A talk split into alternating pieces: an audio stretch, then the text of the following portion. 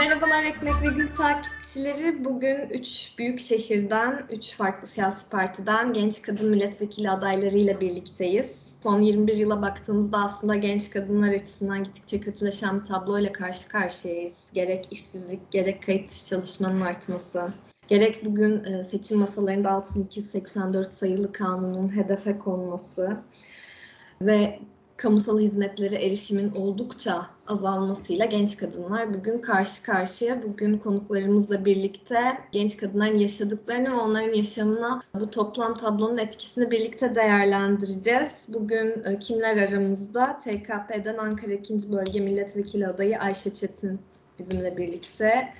TİP'ten İzmir 2. Bölge Milletvekili adayı Melisa Aydınlı bizimle birlikte ve İstanbul'dan da Emek Partisi'nin Yeşil Sol Parti listesinden e, İstanbul 2. Bölge Milletvekili adayı Hazan İlik bizimle birlikte. Öncelikle hoş geldiniz. Teşekkür ederiz katıldığınız için. Sırayla bir sizleri tanımak isteriz. Siz öğrenci, e, genç kadın milletvekili adaylarısınız aynı zamanda. Hem bu adaylık sürecinizi hem biraz da kendinizden bahsederseniz dinleyicilerimiz de hem sizi daha yakından tanımış olur.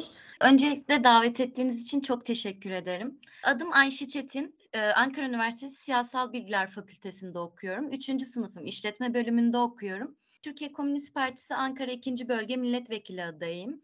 Hem bir kadın hem de bir öğrenci olarak ve bu ikisini birleştirirsek kadın öğrenci olarak yaşanan bir sürü sıkıntının daha fazla dile getirilmesi ve her zaman dile getirilmesi için ve biraz aslında bunun hem kadınlara daha güçlü olabileceğimizi gösterebilmek ve hem de daha geniş alanlara giderek bu söylemleri yaygınlaştırabilmek için milletvekili adayı oldum.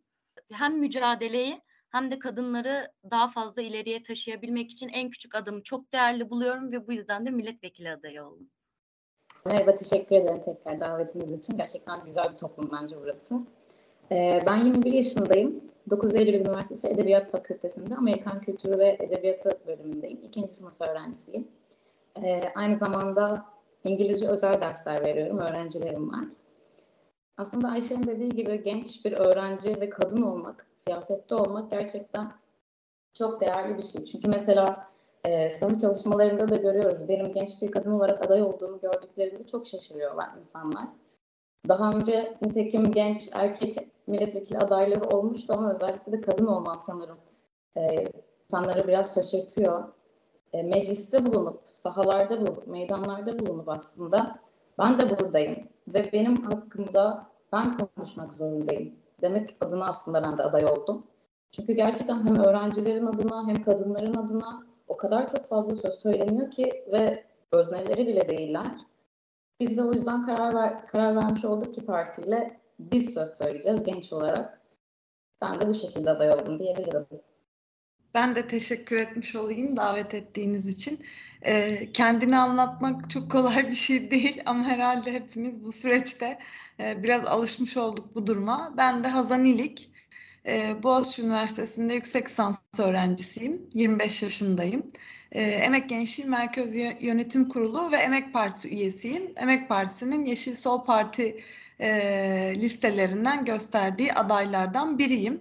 Ben de diğer arkadaşlarım e, gibi aslında genç bir kadın olarak e, egemen burjuva siyasetin içerisinde hem gençlerin hem kadınların ve bu ikisinin ortak kümesi olan genç kadınların e, günlük yaşamda karşılaştığı sorun ve taleplerin e, ne kadar az gündeme geldiğini, ne kadar az konuşulduğunu biliyoruz. Bütün bunların karşısında bizim kendi dertlerimizi, kendi sorunlarımızı, kendi dilimiz döndüğünce anlatmak için aday oldum diyebilirim.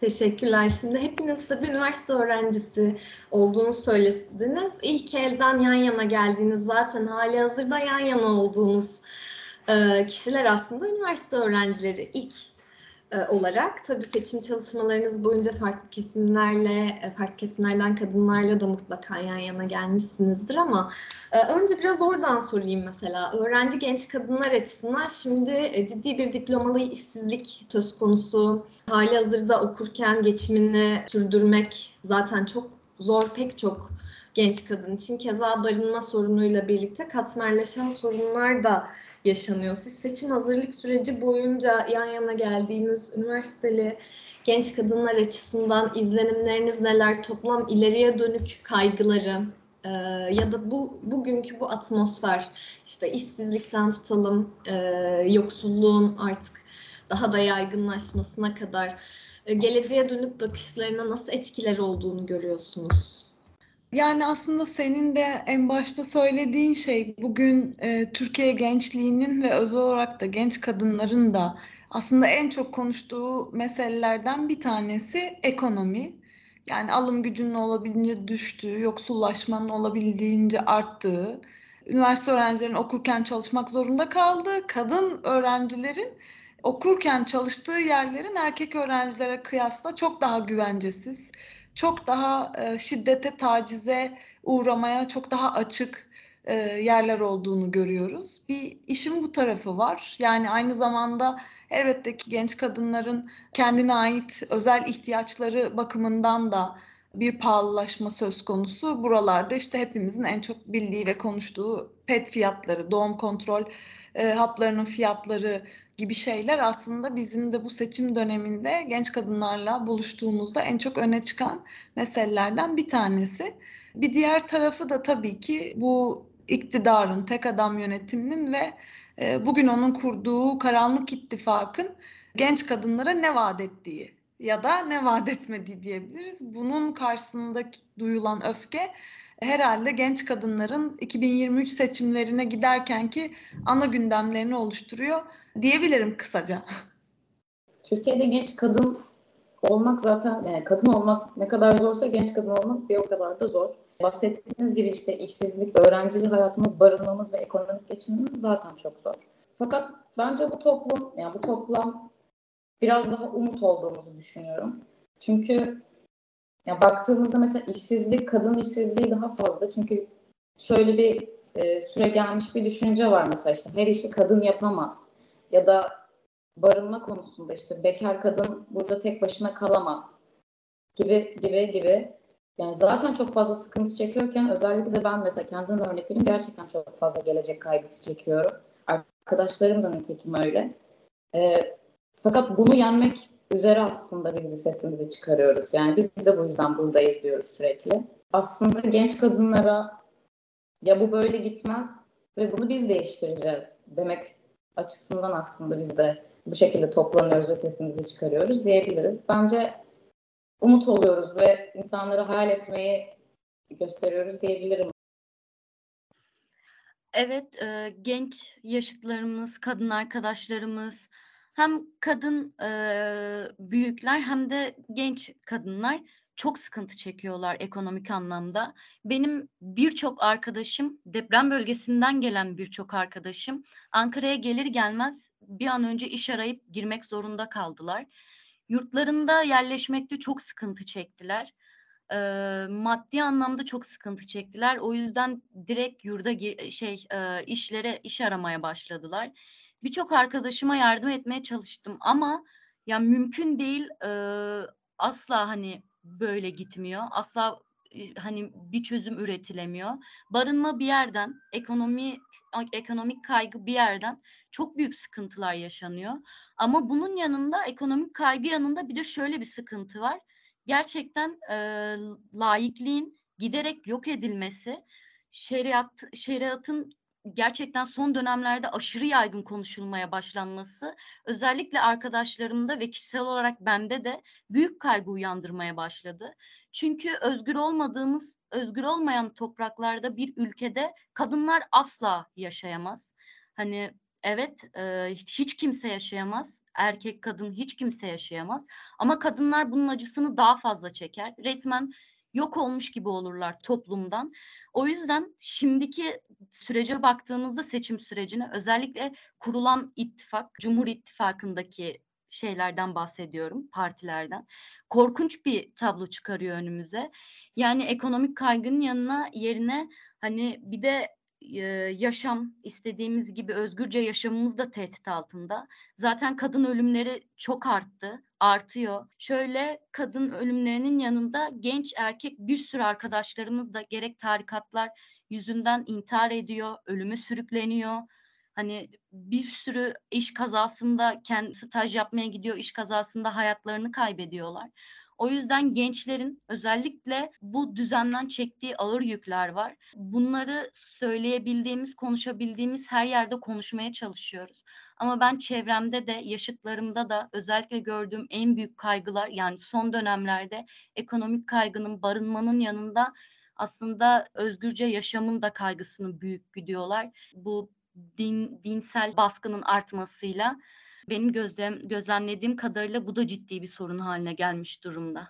Aslında önemli bir noktaya dikkat çektiniz. Şimdi Cumhur İttifakı'nın toplamına baktığımızda Hüdapar'ın da Yeniden Refah Partisi'nin de dahil olduğu bir ittifak var karşımızda ve çok e, seçim beyannamelerine, ittifak politikalarına baktığımızda da aslında kadınları ciddi anlamda tehlikeye atacak bir ittifak var ve bu ciddi bir kaygıyı da elbette getiriyor ama e, mesela Melisa şeyi söyledi, umut olduğumuzu düşünüyorum dedi. Oradan bir soru sormak istiyorum ben. Yani gerçekten çok karanlık, ağır ve belki de korkutucu bir gelecek ihtimali genç kadınları ciddi anlamda korkuya sürüklerken bu umut peki nasıl etkiliyor? Mesela e, yani bu sadece bir seçime gitme umudum yoksa bir şekilde kendi hayatına dair harekete geçme, mesela seçim çalışmasının bile bir parçası olma noktasında kadınların, genç kadınların durumu, yan yana geldiğimiz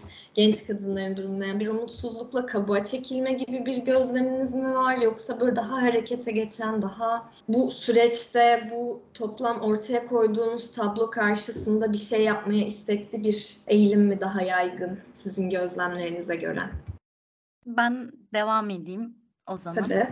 Ya şöyle, evet, eee, kaygılar büyük ama tam olarak da aslında soru bazında sorduğun şeyde de şöyle, umut çok büyük. Aslında bu umudu yaygınlaştıran ve bu umudu var etmeye çalışan aslında gerçekten biz kadınlarız hep beraber. Ben sokakta eee, işte gerek çalışmalarda gerek sohbet ettiğim hem kadınlar hem yaşıtlarım, genç eee, arkadaşlarım hepsi benim bu yaşlarda aday olarak aslında cesa- cesur bir adım attığımı düşünüyorlar. Kendi dertlerini daha rahat anlatıyorlar, daha rahat açıklıyorlar. Hiç beklemediğimiz insanlardan büyük tepkiler geliyor, büyük umutlar, büyük hani beklentiler geliyor. Bunları görmek hem bizim umuda olan inancımızı arttırıyor, yani mücadelemize daha sağlam yapışmamızı sağlıyor biz daha sağlam yapıştıkça onların da cesareti artıyor. Asla karanlığa boyun eğmeyeceğiz diyoruz ve biz boyun eğmediğimizi gördükçe aslında bütün kadınlarda yani benim karşılaştığım bütün kadınlarda bu cesareti hissetmiş, almış oluyorlar ve direkt kendilerini açıyorlar. Evet ben de boyun eğmeyeceğim. Evet böyle gitmemeli. Ben buna mahkum olamam. Yoksa ben biterim, benim çocuklarım biter. Böyle hayat değil. Aslında şu an insanlar tam tersi bence tutunmuş ve mücadeleye çok yakın davranıyorlar ve aşırı gerçekçi ve mücadeleci yaklaşıyorlar. Bu da benim açımdan beni de çok mutlu eden bir şey. Çok da karanlığa gömülmüş bir toplum yok aslında. Bu çok güzel bir şey. Ben de bir şeyler söyleyebilirim. Yani her sene, her 25 Kasım'da, 8 Mart'ta aslında gördüğüm toplam da daha coşkulu, daha öfkeli ve daha umutlu bir toplam oluyor gerçekten benim e, gördüğüm. Ee, şöyle yani bu seçim gerçekten hani 20 yılın getirdiği bir baskı, korku, endişe, kaygı yani o kadar karanlık bir dönemden geçtik ki aslında o bardak çoktan taştı diyecektim, son damla diyecektim ama çoktan taştı aslında o, o bardak ama gerçekten insanlar artık yeter demeye başladılar. Yani gerçekten ses çıkarmaya. Ya o, işte ben oy kullansam ne olur?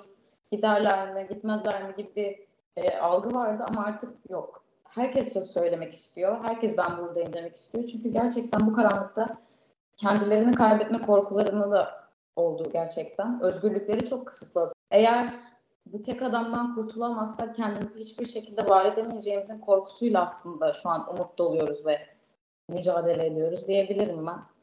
E, siyasette de bizleri gören insanlardan gerçekten çok güzel tepkiler alıyoruz. De dediği gibi hani bize açılan, hani bizi görüp bizden cesaret alan insanlar gerçekten oluyor. Bence gerçekten çok umut dolu bir dönemdeyiz Türkiye için. Güzel şeyler olacağını düşünüyorum ben de. Ya ben de şöyle bir ekleme yapayım o zaman. Bence umut verici olan bir şey varsa o da tüm Türkiye gençliği içinde de e, özellikle genç kadınlar içinde de değişim arzusu çok yüksek. Bu gerçekten çok umut verici bir şey. Çünkü e, AKP, Cumhur İttifakı, Erdoğan yönetimi, bugünkü şeyiyle tek adam yönetimi belki e, aslında 20 yıllık iktidarı boyunca e, kadınlar başta olmak üzere e, gençlerin e, bütün pratik yaşamını, üniversitelerini, liselerini, sokaklarını, iş yerlerini kendi siyasal hattı, ideolojik hattı doğrultusunda bir yere e, kanalize etmeye çalıştı. Bir, bir bir şekil vermeye çalıştı yani. Ama bu vermeye çalıştığı şekil tutmadı. Tutmadığı gibi bunun tam da karşısında bugün seçimlere bu kadar az zaman kalmışken biz başta genç kadınlar olmak üzere bütün gençlerin gerçekten bu işin olabildiğince hızlı bitmesini istediklerini, tek adam yönetiminin ne hani bir gün bile fazladan vakit vermeden hızlıca göndermek istediklerini ve bunun karşısında gerçekten hani eşit oldukları, özgür oldukları, ayrımcılığın olmadığı bir dünyanın hayalini kurduklarını görüyoruz. Bu çok güçlü bir değişim arzusu. Bence hani bizim de benim de kişisel olarak umutlandığım nokta tam da burası aslında. Yani her ne kadar genç kadınlar İstanbul Sözleşmesi feshedildiğinde yapılan eylemlerde de çocuk istismarının e, meşrulaştırılmasına ilişkin bir takım tartışmalarda da aslında e, sokakları o genç kadınlar doldurdu yani ya da işte kampüslerde, liselerde e, genç kadınların mücadelenin parçası olma durumları çok daha yüksek. Bu çok umut verici ama e, bütün hani kız kardeşlerime de seslenmiş olayım buradan. E, kendilerini e, siyasetin birer öznesi, kendi yaşamlarının değiştirici birer unsuru olarak görmeleri gerekir. Bu bunun potansiyeli en çok genç kadınlarda hani bu kesin. Ama bu olmadığı sürece bizim değişmesini çok güçlü arzuladığımız şeylerin e, istediğimiz gibi değişmesi çok mümkün olmayabilir. Ne demek istiyorum? Şunu demek istiyorum. Genç kadınlar mesela kendi kulüp ve topluluklarında çok daha örgütlü hareket etmeli. Kendi özel örgütlerini kurmalı. Üniversitelerde cinsel taciz önleme komisyonlarının kurulması, bu komisyonlarda kadın öğrencilerin komisyonların parçası olması gibi aslında ya da LGBTİ kulüplerine, LGBT etkinliklerine yapılan müdahalelere, müdahaleler karşısında örneğin bütün bu sorun ve talepler etrafında en küçük alanlardan başlayarak birleşmeli ve mücadele etmeli ve bu talepler etrafında örgütlenmeli diye düşünüyorum. Bizim değişimi başlatacağımız noktalar ya da yön vereceğimiz noktalar burası olacaktır. Seçim çok önemli ve kesinlikle evet olabildiğince hızlı bir şekilde tek adam yönetiminden kurtulmalıyız ama kendimizi yalnızca, kendi siyasal gücümüzü de yalnızca 5 yılda bir sandığın başına gidip oy vermekten ibaret görmemeliyiz diye düşünüyorum. Çünkü değişim arz, arzus, arzumuz çok güçlü. Bu arzuya bir de hani örgütlü hareket etmeyi, birlikte hareket etmeyi, mücadele etmeyi katarsak eğer hakikaten hayalini kurduğumuz dünyayı kazanmak çok daha kolay olacaktır diye düşünüyorum. Birazdan e, Hazal'ın açtığı noktayı daha özel olarak da sormak istiyorum seçimden sonrasına dair ama ondan önce şimdi seçime günler kaldı ve Erzurum'da bir provokasyon girişimi oldu. İmamoğlu'nun e, mitingine katılan halktan yaralananlar oldu. Keza Konya'da benzer e, sosyal medya e, çağrılarını e, gördük.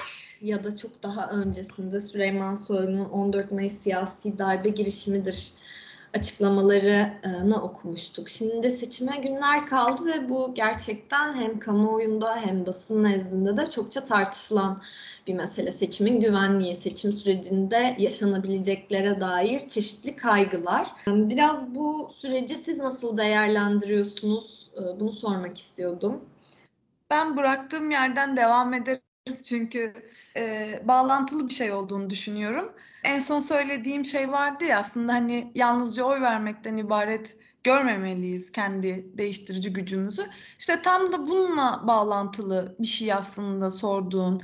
Tam da bu yüzden hakikaten oy kullandığımız sandığın da onun güvenliğinin sağlanmasının da, oy sayımının izlenmesinin de, tutanağın tutulmasının da, ne bileyim ıslak imzalı belgenin fotoğrafının çekilmesinin de ya da seçimden öncesine, seçime doğru giderkenki günlerde seçim çalışmalarının bir parçası olmanın da önemli olduğunu düşünüyoruz. Yani bu bu kesinlikle böyle ve zaten şey herhalde çok açık. Yani biz de bütün e, tanıdığımız, gördüğümüz, buluştuğumuz bütün genç arkadaşlarımıza sandıklarda görevli olmalarını, müşahit olarak isimlerini yazdırmaları, sandık görevli güvenliğini sağlamak adına bizimle birlikte e, hareket etmeleri üzerinden bir çağrı yapıyoruz. Bu zaten hani tartışmasız bir konu aslında. Son belediye seçimlerinden de e, deneyimlediğimiz bir durum. Bunu buna dair hani e, siyasi partiler düzeyinde daha özel çalışmalar da yapıyoruz ama bunu da hep birlikte yapabiliriz tabii ki.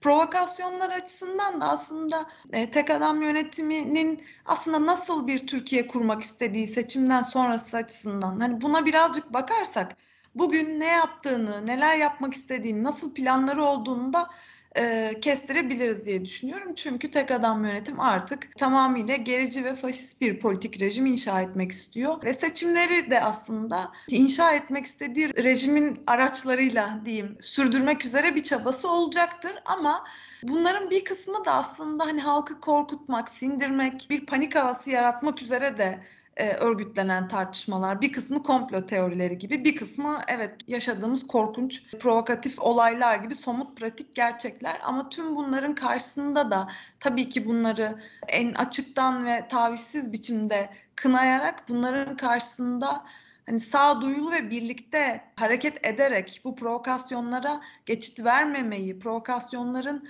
önünü kesmeyi, engellemeyi de örgütleyerek seçimden öncesinden aslında birleşmeli ve bir arada durmamız gerekir diyoruz. Biz bir arada durduğumuz sürece hiçbir devlet gücü, e, hiçbir siyasi figür bir araya gelmiş bir halkın karşısında duramaz diyoruz. Duramayacaklar da. Biz bu işin altından kalkacağız, öyle söyleyeyim. Yani şöyle bu işte yaşanan provokasyonlar ve olaylar zaten her seçim döneminde başımıza gelen şeyler. Her seçim döneminde e, AKP gerçekten bir sürü skandal ortaya çıkarıyor gerçekten. Ve bunların hepsi e, tamamen işte 20 yıl boyunca söyledikleri nefret söylemleriyle alakalı olduğunu düşünüyorum ben. Halkı o kadar çok nefret söylemleriyle doldurdular ki kadınlara karşı, hayvanlara karşı, LGBT artılara karşı yani onlar gibi düşünmeyen herkese karşı gerçekten bu tarz nefret söylemleriyle e, doldurdular. Ama yani bunun karşısında olduğumuzu söyleyebilirim yani ve insanlar gerçekten bu bu söylemler dışında gerçekten öyle düşünen düşünebilecek insanlar olduğunu düşünmüyorum. Çünkü gerçekten çok kötü şeyler söylüyorlar. Gerçekten kadınları, hayvanları, LGBT artıları, öğrencileri o kadar e, düşük bir pozisyona koyuyor ki bu iktidar. Bu tür provokasyonlara gelen halk da aslında bu tür e, geçen gün yaşadığımız olaylara e, şey olabiliyor, vesile olabiliyor diye. Bunun dışında seçimde yani zaten sandık koruma, işte ıslak imzalığının fotoğrafının çekilmesi vesaire zaten çok önemli. Çünkü yine muhtemelen e, bunlara karşı birkaç adım atılacaktır diye düşünüyorum. Seçimden sonra aslında ya seçimle bit, bitebilecek bir durum değil tabii ki de bu. Yani ne kadar işte AKP'yi ve saray rejimini göndermek istiyorsak aslında gittikten sonra da bizim mücadelemiz devam ediyor. Yani biz yine sokaklardayız. Biz yine 8 Mart 25 Kasımlarda meydanlarda avazımız çıktığı kadar bağıracağız aslında. Ben devam edeyim o zaman. İmamoğlu'nun uğradığı Erzurum'daki saldırıdan başlamak istiyorum. Orada çocuklar, kadınlar, bütün toplum gelmiş ve kendi siyasi haklarına sahip çıkıyorlar. Ve orada kendi siyasi tercihleri üzerine bir alandalar ve saldırıya uğruyorlar. Ama ben o saldırının asla plansız bir şey e, değil. Yani plansız bir şey olmadığını düşünüyorum. Ya zaten Soylu kendi de demiyor muydu? Bu ülkede benden habersiz hiçbir şey olmaz. E o zaman bundan da haberi vardı. İnsanlar kendi başına birleşip o kadar büyük bir saldırıyı yapamazlar, yapmazlar. Yani demek ki arkalarında bir güven, bir güç var ki o kadar kadına, çocuğa gözlerini kırpmadan saldırdılar.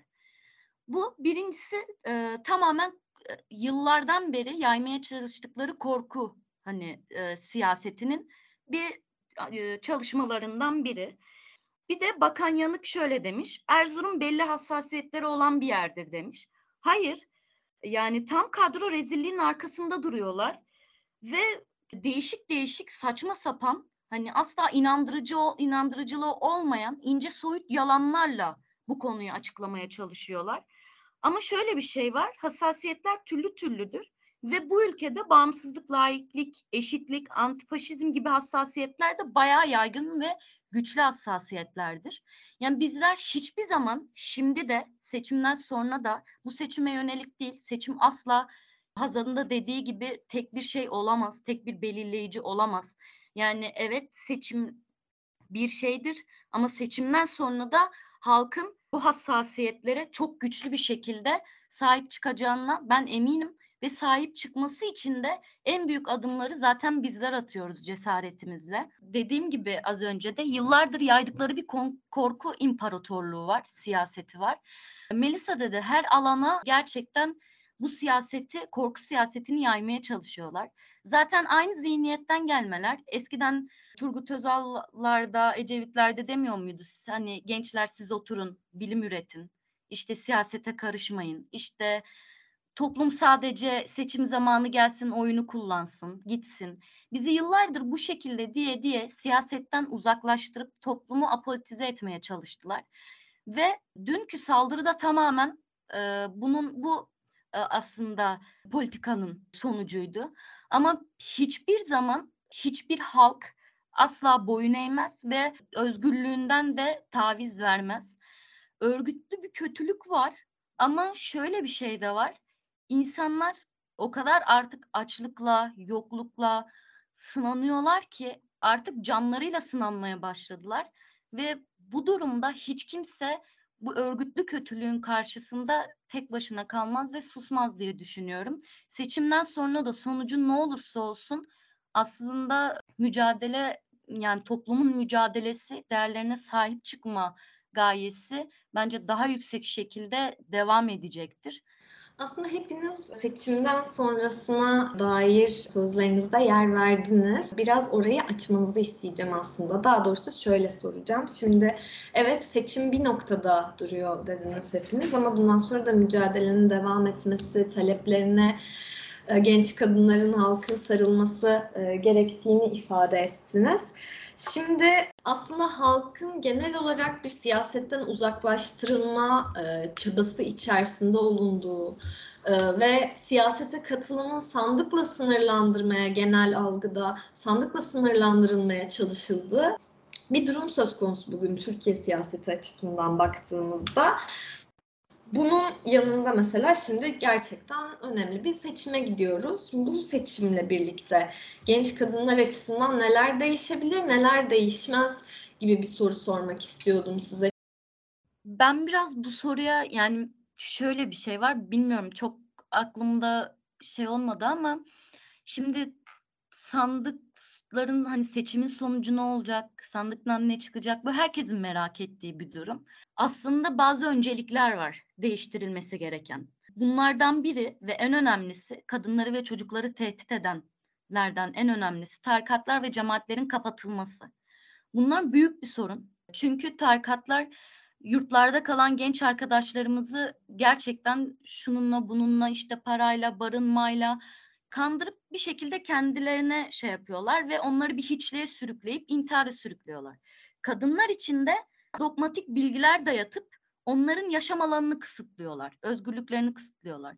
O yüzden öncelikli olarak tarikatların ve cemaatlerin kapatılmasıdır benim açımdan. Ama seçimde sandıktan ne çıkarsa çıksın ben tarikatlar ve cemaatlerin kapatılmayacağını düşünüyorum ve aslında büyük bir ihtimalle zaten böyle olacak.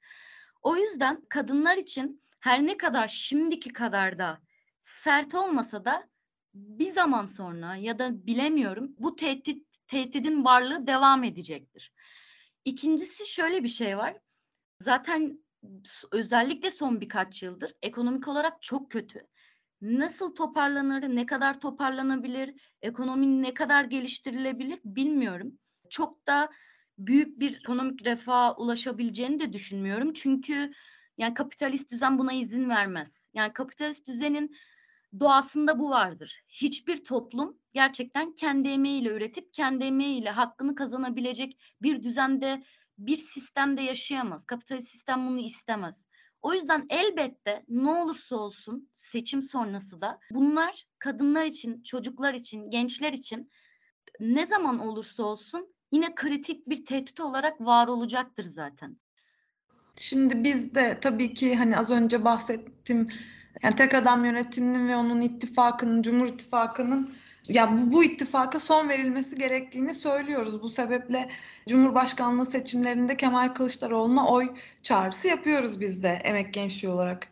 Ama şöyle bir durum var. Bu çağrı Kemal Kılıçdaroğlu'nun ya da e, olası bir iktidar değişikliğindeki yeni iktidar olma iddiasını taşıyanlara kefil olduğumuzdan değil. Önümüzdeki sür e, yani şu anda içinde bulunduğumuz durumun hızlıca son bulması için aslında kısaca böyle özetleyebiliriz. Bu sebeple olası bir değişimin sonucunda yaratılacak Türkiye açısından da yani bugün Cumhur İttifakı var ve onun karşısında işte Millet İttifakı var ve bu iki ittifak aslında e, en genel düzeyde bakacak olursak temel olarak bir burjuva ittifakı. Dolayısıyla elbette hani daha ayrıntılı e, bir tartışma hani şu an öyle bir vaktimiz yok ama böyle bir tartışma sürdürecek olsak elbette aralarında belli farklılıklar olduğunu tartışabiliriz. Bunlar işin ayrı bir kısmı ama burada asıl söylemeye çalıştığım şey temel olarak as bu ülkenin yoksul emekçi sınıflarının, gençliğin, işçi sınıfının ve onun genç kuşaklarının aslında hani alın terinin karşılığını alacağı, kendi emeğinin karşılığını da alacağı bir düzeni tahsis edeceği bir senaryo söz konusu değil elbette yani. Burada zaten hani net bir şey söyleyebiliriz. Bu bakımdan bir şey ama genç kadınların en çok tartıştığı şeylerden bir tanesi ekonomik kriz ve yoksullaşmaysa bir diğer şey de aslında haklarına ilişkin, haklarına ve hayatlarına ilişkin bir takım tartışmalar. Şimdi bu taraf açısından da aslında Millet İttifakı'nın hükümet programı diye ilan ettiği mutabakat metnine bakalım. Bu, bizi dinleyen bütün arkadaşlarımıza buradan hani bir şey de yapmış olalım. Hani herkes açsın, bir indirsin. Aratma butonuna bir kere bir laiklik yazsın mesela. Bir İstanbul Sözleşmesi yazsın.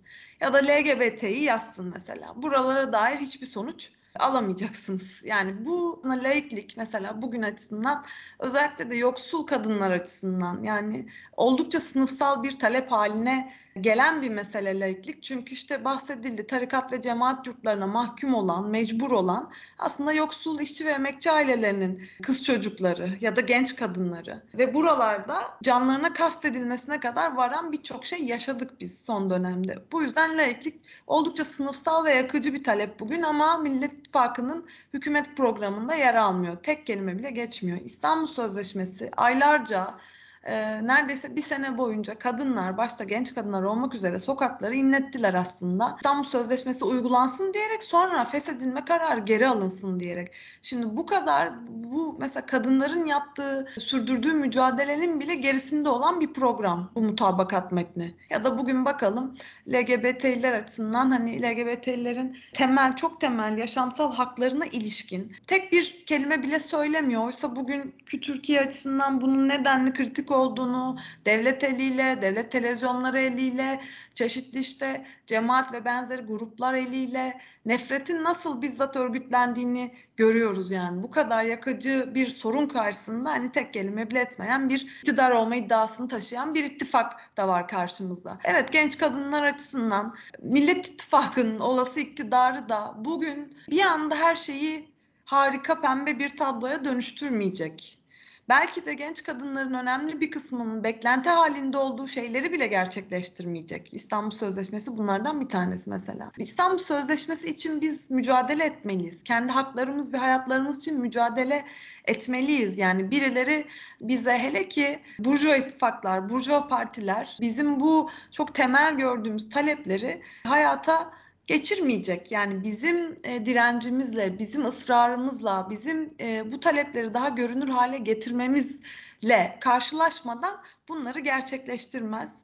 E, dolayısıyla bizi aslında bugün de, yarın da, 14 Mayıs'tan sonra da her koşulda aslında mücadele dolu, mücadelenin zorunlu olduğu bir hayat bekliyor bence. E, ben de şu ana kadar söylenenlerin hepsine katılıyorum.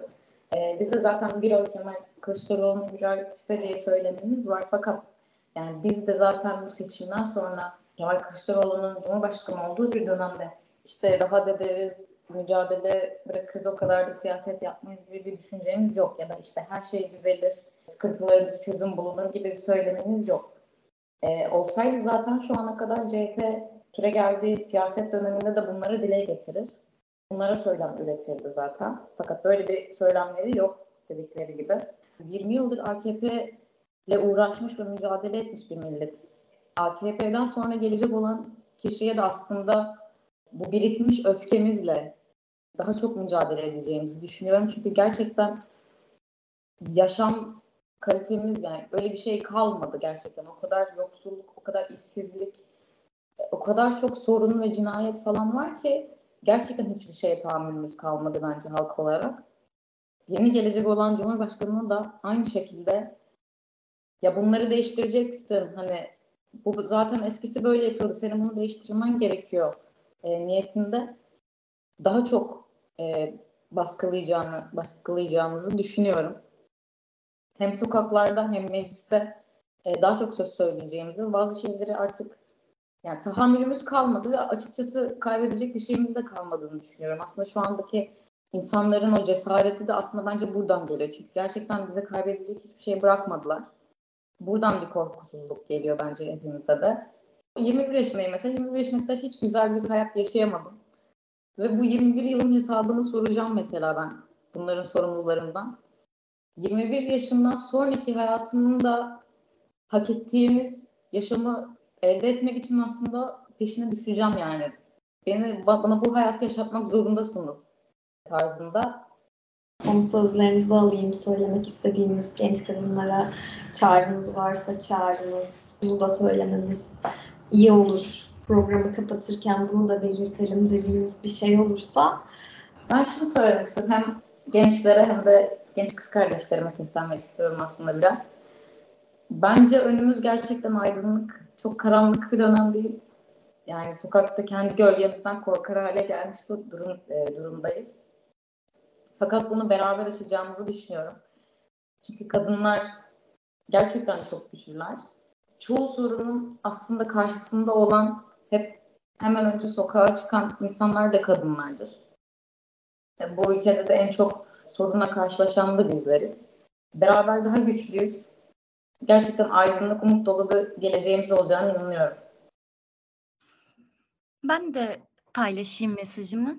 Aslında birlikte çok güçlüyüz ama kadınlar bir araya gelince bu güç hani asla yıkılmaz ve darbe almaz bir güce dönüşüyor. O yüzden biz kadınların varlığı her yerde, her alanda çok önemli. Daha aydınlık günler bizi bekliyor.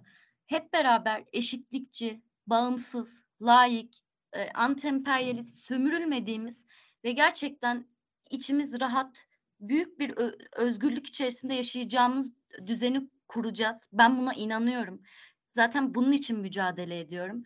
Hep birlikte de mücadele etmeye devam edeceğiz. Türkiye Komünist Partisi olarak biz de bir oy Erdoğan gitsin diye Kılıçdaroğlu'na ama bir oyda bir daha aynı şeyleri yaşamamak için Türkiye Komünist Partisi'ne diyoruz ve bunun üzerine hareket ediyoruz. Bizim aynı şeylere yaşamaya, yaşatmaya ve izin vermeye asla niyetimiz yok. Hep birlikte bütün günlerimizi, gece, gecelerimizi, gündüzlerimizi aydınlığa kavuşturacağımıza inanıyorum. Ben de o zaman tek adamı gönder, Yeşil Sol Parti'ye oy ver, emeğin adaylarının temsiliyetini arttır gibi bir çağrı yapayım ama elbette ki en önemlisi bizi dinleyen bütün genç kadınların yaşadığı öfkeyi paylaşıyoruz. Aynı duyguları paylaşıyoruz aslında. Ama bir tane önemli bir şey var unutmamamız gereken. Biz hayalini kurduğumuz eşit ve özgür bir geleceği kurabiliriz. Yeter ki ellerimiz ellerimize kavuşsun. Çok teşekkür ediyoruz hepinize katıldığınız için. Seçime günler kaldı. Başka programlarda görüşmek üzere diyelim. Hoşçakalın.